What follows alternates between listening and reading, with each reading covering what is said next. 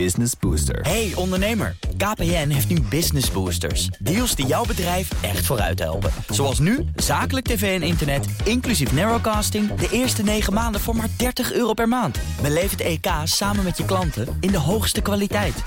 Kijk op kpn.com slash businessbooster. Business Booster. Cryptocast wordt mede mogelijk gemaakt door Bitfavo, de crypto-exchange van Nederland. BNR Nieuwsradio. Cryptocast. Herbert Blankenstein. Welkom in de Cryptocast. Vandaag Sam Bankman-Fried is schuldig, maar wat is nu een passende straf?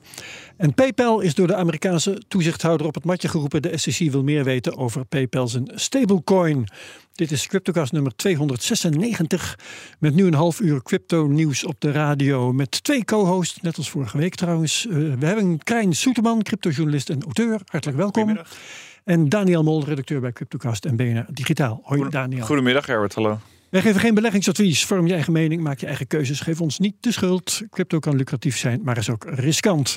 Bijvoorbeeld voor Sam Bankman-Fried. Die is nu schuldig bevonden door de jury op alle zeven aanklachten die ze tegen hem konden verzinnen. Nee, er zijn er nog vijf trouwens, die komen later. In maart 2024 gaat de rechter een uitspraak doen uh, wat de straf wordt. Daniel, um, was dit een verrassende uitkomst om te beginnen? Uh, nee, nee ik denk nee. het niet. Uh, het was eigenlijk vanaf het begin al duidelijk dat uh, de, de, Verenigde Staten Sam Bankman-Fried graag zag hangen. Ja. en de jury, de twaalfkoppige jury, had vijf uur nodig om tot consensus te komen. Dat is nog net geen record, maar wel heel kort. Hè? Precies, heel ja. kort. En ja. nu hangt hem maximaal 115 jaar cel boven het hoofd. Ja. Ik denk niet dat het zover gaat komen, maar het gaat wel echt een zware straf worden. Ja, en hoe gaan ze die straf bedenken? Mag de rechter dat helemaal zelf verzinnen? Nou, er zit dus een hele berekening aan vast. Uh, met allerlei factoren. We zijn er een beetje ingedoken. Uh, en Ja. dan eerst maar is de schade in dollars. Um, dat loopt van minder dan 6.500 dollar schade naar meer dan 550 miljoen. Nou, daar kunnen we Sam Bankman-Fried inschalen in de ergste categorie, namelijk. Hoewel dat nog niet helemaal vaststaat, hè?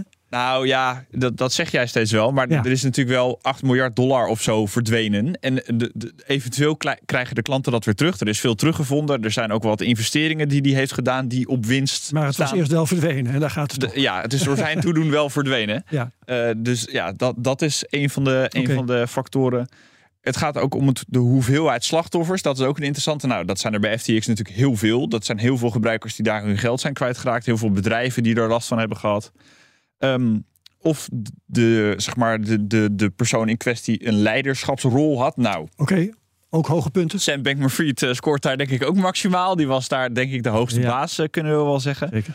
En dan ook eh, of het zeg maar nog met, met voorbedachte raden, of in ieder geval ja, sophisticated means. Dat is een, een beetje een Amerikaanse term. Ja, hoe, hoe doortrapt of Ja, hoe ja. geraffineerd je bent geweest. Nou dat is nog maar de vraag. Ja. Dat weet ik zelf ook niet helemaal. Maar nou, de conclusie is, analisten denken echt wel tientallen jaren, 30, 40 jaar. ja, er heeft de, dus de rechter heeft er wel vrijheid in, maar hij krijgt wel een richtlijn, zeg maar, Ja. eh, uit de Ja. regels. Ja. Ja. Ehm, kun je nog even samenvatten hoe de zaak is gelopen de afgelopen pak een beet, vijf weken? Nou ja, we hebben best een, een soapserie gezien. En vanaf het begin was SBF eigenlijk al de, eh, de gebeten hond. Het was al zijn oud-collega's gooiden hem voor de bus. Eh, We kregen de meest sappige details over de bedrijfsvoering van FTX en Alameda Research. Over gefalsificeerde eh, balansen. Over eh, dealen met Chinese eh, staatsfunctionarissen die proberen om te kopen. Allerlei. Zelfwissende appgroepen met overleg. Precies. En eigenlijk de, zijn verdediging kreeg ook steeds geen voeten aan de grond. Af en toe lukte het een beetje om iemand in twijfel te kunnen trekken en getuigen of zo. Maar eigenlijk eh, leidde dat nergens toe. En het, de, de, het ineenstorten van FTX was denk ik eigenlijk een, echt een klap voor de Amerikaanse politiek. Een klap voor de Amerika eh, Amerikaanse toezichthouder. Want hij was die posterboy. Hij was die, eh, die nieuwe Mark Zuckerberg die crypto salonveeg eh, ging maken en, en, en naar het grote publiek zou brengen. En dat bleek allemaal, Ja. bleek allemaal een leugen te zijn. Dus ja, nu moet hij echt daarvoor boeten. Ja, de eerste man die, waarvan gezegd werd... hij eh, gaat vast nog eens een keertje de 100 miljard eh, Ja. vermogen passeren. Eh Krijn is schuldig dus op zeven aanklachten. Ehm, ja, eh, hij eh, wordt dus ten voorbeeld gesteld. Hè? Ja, nou goed, wa- wat Daniel ook net allemaal zegt van... ehm, ja, als je zo hoog stijgt in zo'n korte tijd, en zeker binnen finance, dan ben je natuurlijk ook wel heel snel de gebeten hond. En we moeten misschien ook niet vergeten, het ging om cryptovaluta. En voor, het is natuurlijk nog steeds zo dat als iets, als het woord crypto ergens in voorkomt, dan is het ook wel, ja, dan wordt er ook wel harder geslagen. Dat zie je toch eigenlijk wel overal. Mhm. Maar goed, ehm, ja, eh, is het terecht om iemand, ja, we weten natuurlijk nog niet wat het uiteindelijke uitkomst gaat zijn in eh, maart, wat de rechter gaat beslissen. Maar ja, ehm, uiteindelijk was Bankman Fried natuurlijk een gokker. Uh, en of hij dat nou geworden is omdat hij dat al was, of omdat gewoon dat het wereldje is waar je meegesleept wordt. Hij is natuurlijk al direct al in de uh, haute finance begonnen, zeg maar. Bij uh, Jane Street Capital. Ja, grote dus dat, zaak. Ja. En dat is natuurlijk, ja, je kunt denken van dat zit natuurlijk allemaal een beetje op de randje soms van, van wat nog wel en net niet kan. Dus als je dan zo opgevoed wordt en alles is maar normaal om je heen. Ja, ik weet niet. Ik, Ja. Ergens vind ik het ook wel een tragisch gebeurtenis. Ook omdat hij was natuurlijk een soort van zo'n altruïst wilde die zijn. En hij wilde Ja. ge- vermogen weggeven. Hij zit En zo te horen in het kamp eh, dat zegt hij wordt te hard aangepakt. ik zit in het kamp die dat denkt dat je misschien de problemen elders liggen dan gewoon bij, eh, in dit geval Het crypto, systeem. het systeem. Ja, is het nou, systeem. Maar dan wel een systeem wat al heel erg lang opgetuigd is. En waar inmiddels sommige mensen zich heel goed in weten te bewegen. En als je die regeltjes precies net steeds langs gaat, dan weet je, kun je heel snel heel veel geld verdienen. Maar ja, als je goed kijkt, zijn natuurlijk heel veel mensen die toch wel in dergelijke vergelijkbare systemen. Ja, hij, je zegt, hij, wordt aan, hij wordt hard aangepakt omdat hij in de crypto zat. Dat is denk ik toch wel een hoofdreden. Ja, ja, ja. De- daar zijn meer voorbeelden van trouwens. Hè? Van eh, Ja, eh, crypto-ondernemers die eh, stevig eh, eh, zijn aangepakt door het gerechtelijke systeem. Ja, de oudste waar ik dan, ja, wel een hele oude waar ik dan, dan aan moet denken, is Silk Road met, ehm hoe heet hij nou? Ross Eh, Ulbricht. Ross Ulbricht, ja. Nou, dat was natuurlijk een, eh, die is natuurlijk, dat was natuurlijk niet alleen maar crypto, maar dat was Eenmaal ook een, levenslang plus nog wat. Was het? ja, 40 jaar. Het was natuurlijk ook een, eh, een, een, een zogenaamd illegale markt. Of in ieder geval, die opereerde op het dark web. ehm, waar je van alles kon krijgen. Van eh, hele leuke speelgoedjes tot eh, iets eh, andere speelgoedjes. En natuurlijk drugs en eh, wapens en dat soort zaken. Nou, dat mag natuurlijk. De wapens hadden misschien nog gemogen in de Verenigde Staten. Maar drugs sowieso niet.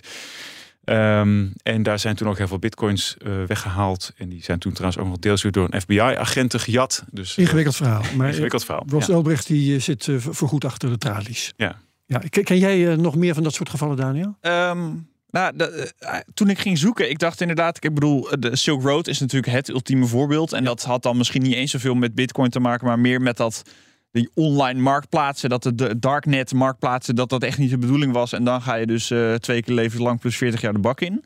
Die gaat gewoon nooit meer vrijkomen. Ja. Eh, hoe triest dat ook is. En misschien ook een klein beetje terecht. Nou, dat weten we niet. Ehm, eigenlijk ging ik het opzoeken. Het viel eigenlijk wel mee. Ja, je hebt nu de, de, de Alex Machinsky's van Celsius. Is hij volgens mij er. Ja. van Terra Luna. Die gaan k- krijgen we nog. Precies. Ja. En die gaan natuurlijk allemaal wel lang de bak in. Maar echt, als ik ver terugkijk in het verleden. Ja, ik kwam bij ja, Charlie Schramm. Dat, dat gewoon, die heeft volgens mij BitInstant. Waardoor je gewoon heel makkelijk Amerikaanse dollars voor crypto kon ruilen. Vroeger was dat nodig. Ja, die is twee jaar de bak in gegaan. Omdat hij een beetje gehandeld had. Op, eh, of niet helemaal vol- volgens de regels.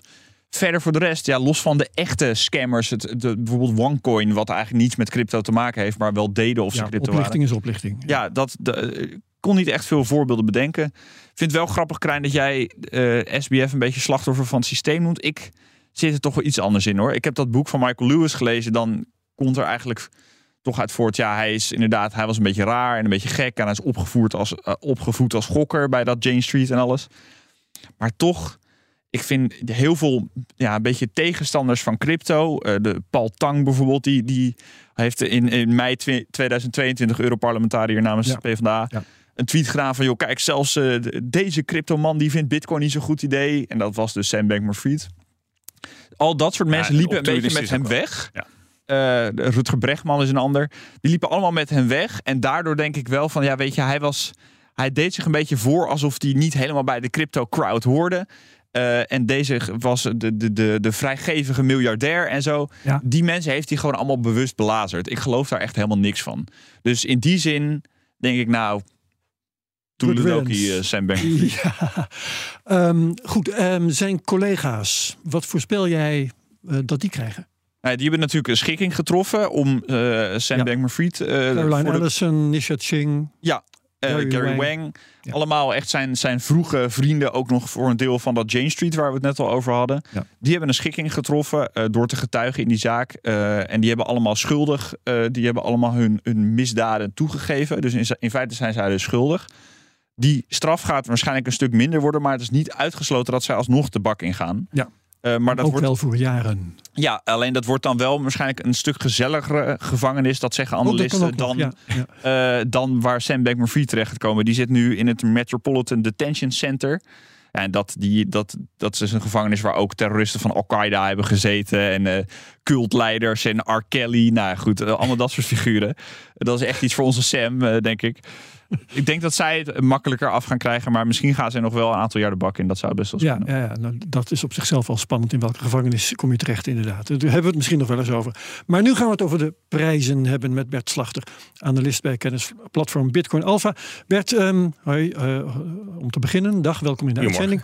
Ja, ehm, Bitcoin is alweer een week stabiel rond de 35.000 dollar. Eventjes de 36.000, net niet aangeraakt, geloof ik. Eh, zeg het maar, eh, in wat voor stadium zitten we? Ja, een licht stijgend kanaal met het midden eerst op 34.000, inmiddels op 35.000 dollar. Dus het gaat nog ietsjes omhoog. En de grote vraag waar de markt nu over piekert is de stijging naar boven de 32.000 dollar. Is die nou bestendig of is het nou een tijdelijke afwijking en gaan we straks weer terug?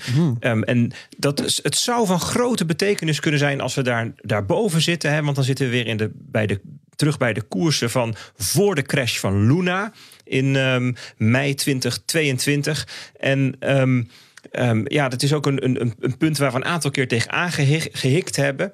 Dus dan gaan we kijken naar naar andere aanwijzingen die dit zouden kunnen ondersteunen. En daar zien we wel wat goede tekenen. Bijvoorbeeld vorige week was het maandslot van de maand oktober. Dat was daarboven. Hè, als een maand daarboven die, die, die koers stijgt... dan ziet men dat als constructief. Trouwens 29% stijging in de maand oktober. Ja. Um, het handelsvolume was volgens Kaiko het hoogste in zes maanden tijd. En de instroom van nieuw kapitaal en cryptofondsen... was volgens CoinShares het hoogst sinds juli 2022... met 320 miljoen dollar. Maar ook allerlei on-chain indicatoren, de derivatenmarkt, die laten een toename van activiteit en van optimisme zien. Dus ja, het lijkt eigenlijk wel dat het uh, bestendig is en dat we een nieuwe fase ingegaan zijn. Ja, waarbij de koers zou kunnen bewegen tussen de ja, zeg maar 30.000 en, uh, en 40.000 dollar. Kijk eens aan. Um, ja, en intussen, want jij noemt allerlei positieve uh, indicatoren. Hè. Um, hier is nog iets. Uh, er zijn al Bitcoin-ETF's, maar dan gebaseerd op futures. Hè. En uh, die doen het ook erg goed. ProShares bijvoorbeeld. Um, is dat een signaal dat de mainstream belegger er ook weer aankomt?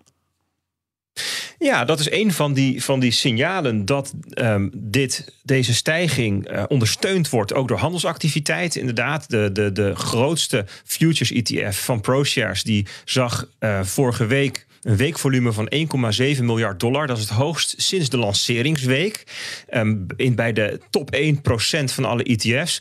Ja, dat zijn wel signalen die aangeven dat, um, dat handelaars, dat beleggers dit ondersteunen. En um, wel belangrijk om te realiseren dat we nog lang geen volumes en aantallen zien die horen bij, de, bij boelmarkten. He, dus de instroom van nieuwe gebruikers ligt nog ruim onder het niveau van 2021. Mm-hmm. En dus wat wij eigenlijk zien is dat, dat beleggers die, die ooit al iets met crypto gedaan hebben, nu weer aan het instappen zijn. Hè? En dat zijn deels zijn dat particulieren, maar deels zijn dat ook de grotere professionele beleggers. Ja, um, en ik kwam tegen, Bloomberg uh, meldt dat uh, Hongkong nu ook al spot Bitcoin ETF's aan het overwegen is. De, terwijl dat in Amerika nog even een heet punt is.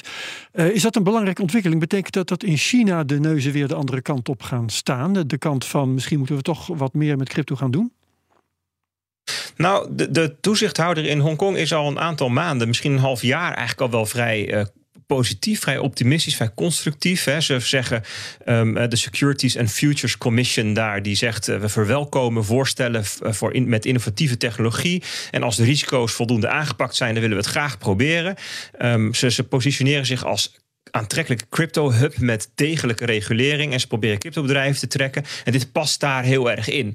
Maar we moeten niet um, uh, overschatten um, hoe groot Hongkong is. Het is eigenlijk best wel, het, zeker ten opzichte van de Verenigde Staten, best wel een kleine financiële markt. Hè. Als je bijvoorbeeld kijkt naar aandelenmarkt, die is in de uh, Verenigde Staten tien keer zo groot als in Hongkong. Hè. 40 biljoen tegenover 4 biljoen.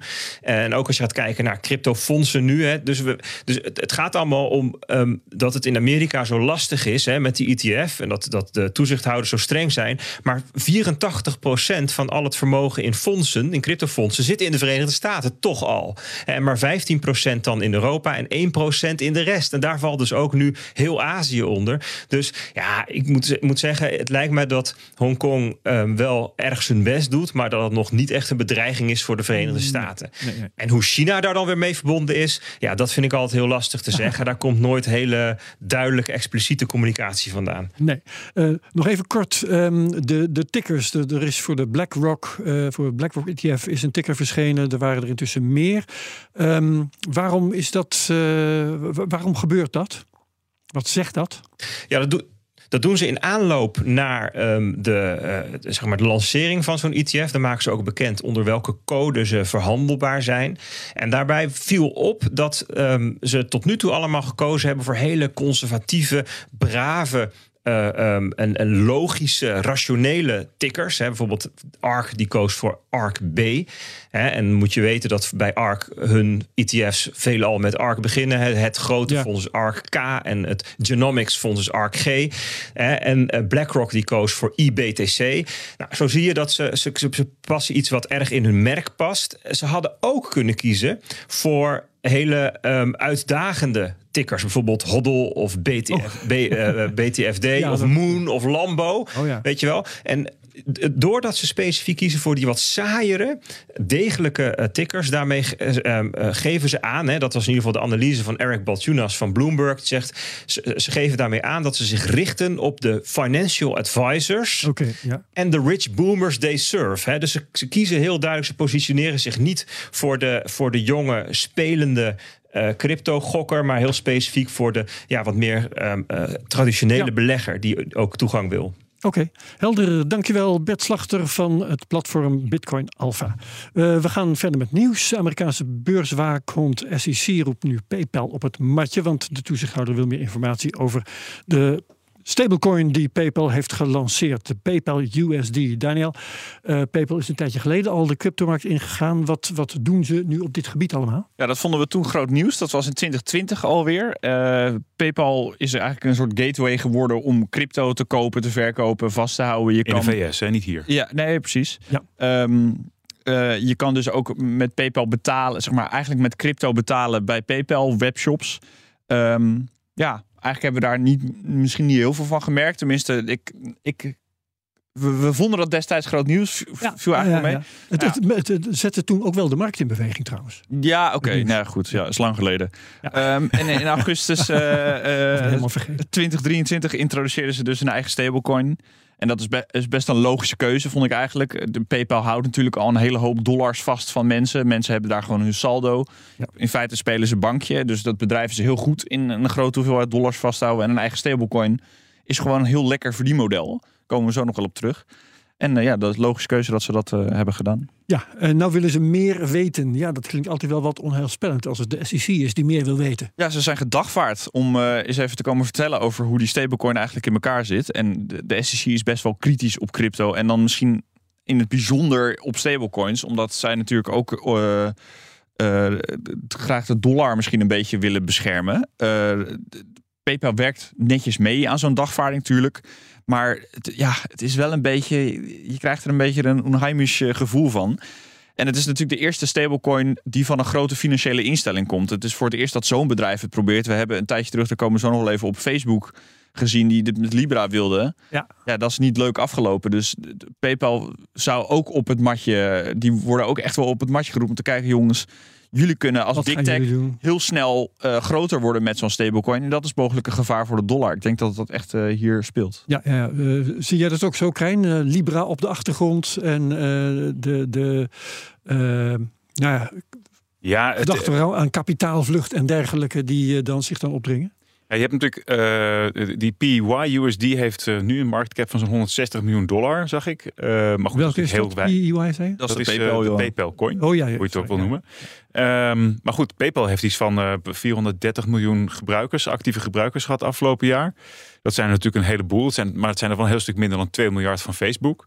Um, en PayPal heeft geen sociaal netwerk om zich heen. Maar aan de andere kant... Um, uh, Libra, wat trouwens later Diem heette. Ja. Uh, dat was natuurlijk ook een mooie manier voor Facebook om um, linksom of rechtsom mensen te moeten volgen. Want in Europa waren natuurlijk allemaal regels dat je uh, met de AVG, met de Algemene Verordening oh, ja. Gegevensbescherming, mensen niet mocht volgen.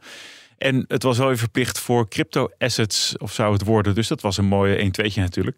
Nou, dat is dus niet gelukt. Um, en verder, ja, digitale valuta, dat, dat is blijft natuurlijk lastig voor heel veel van voor de SEC. Van je kunt ineens zoveel andere dingen doen. Je kunt um, en aan de andere kant natuurlijk uh, voor zo'n PayPal en Paxos kunnen heel veel geld ermee verdienen door uh, een groot deel in uh, staatsobligaties te zetten. Ja. En dat is eigenlijk de manier zoals Tether, USDT en zo allemaal hun geld verdienen. Door, uh, ja, ze, door heel veel geld eigenlijk te beheren en dat gewoon tijdelijk elders vast te zetten. Ja. En op die manier is het ook een soort van security. En dat is natuurlijk, is het dan wel of geen security? Want je verdient geld, maar verdien je dat geld dan voor de mensen die het geld vastzetten? Nee, je verdient het voor jezelf. Nou, allemaal vragen eromheen. Dus, uh... Ja, en dan uh, Daniel nog even kort. De Tether groeit intussen als kool. Heeft een marktkapitalisatie van 8, sorry, 85,5 ja. miljard alweer. Uh, dus de stablecoins die, die groeien tegen de klippen op. Ja, het is het hoogste punt ooit voor Tether. En eigenlijk voor, voor een stablecoin, zeg maar, zoals we dat ooit hebben gezien best wel bijzonder. Want eerst dachten we, Tether kunnen we helemaal niet vertrouwen. Maar die hebben dat echt, uh, dat vertrouwen teruggewonnen. En dan uh, op het gebied van stablecoins kom je dan echt in een soort winner takes most scenario. Niet al, want dat ja. is, er is nog wel aardig wat concurrentie. Maar de grootste stablecoin lijkt toch het meeste vertrouwen. En dan dat groeit maar door. En inderdaad, zij maken gewoon uh, meer dan een miljard winst per kwartaal. Met alleen geld vasthouden. En er werken medewerkers ook weer? Ja, 60 of zo. Dus dat is echt een mega winstgevend bedrijf. Ja, dus dat is uh, fascinerend. Fascinerend. Moeten we, in de gaten houden. Dat gaan we ook zeker doen. Uh, we gaan ook even nu bespreken wat we in de podcast gaan doen. Krijn, waar gaan we het over hebben? Uh, we krijgen zo meteen Sebastian van der Lans. En we gaan het onder andere hebben over AI. En pri private AI. En natuurlijk ook hoe daar crypto dan eventueel, of cryptovaluta, bepaalde tokens iets in kunnen betekenen. Ja, dus, heel spannend. Want ja. eerst deed hij timestamping op blockchain. Daar kennen we hem van, van Wordproof. Ja. Eigenlijk heeft hij een pivot gemaakt. Hij heeft gezegd, hier kunnen we geen verdienmodel voor vinden. We gaan iets anders proberen. Dus daar gaan we het over hebben. Oké, okay, dat gaan we doen. Uh, tot zover de Cryptocast op BNR. Bedankt Daniel Mol. Bedankt Krijn Soeteman. Wie meegaat naar de podcast heel graag. En als je dat niet doet, is het ook prima. Want dan zien we je graag terug volgende week bij de Cryptocast op BNR. Dag.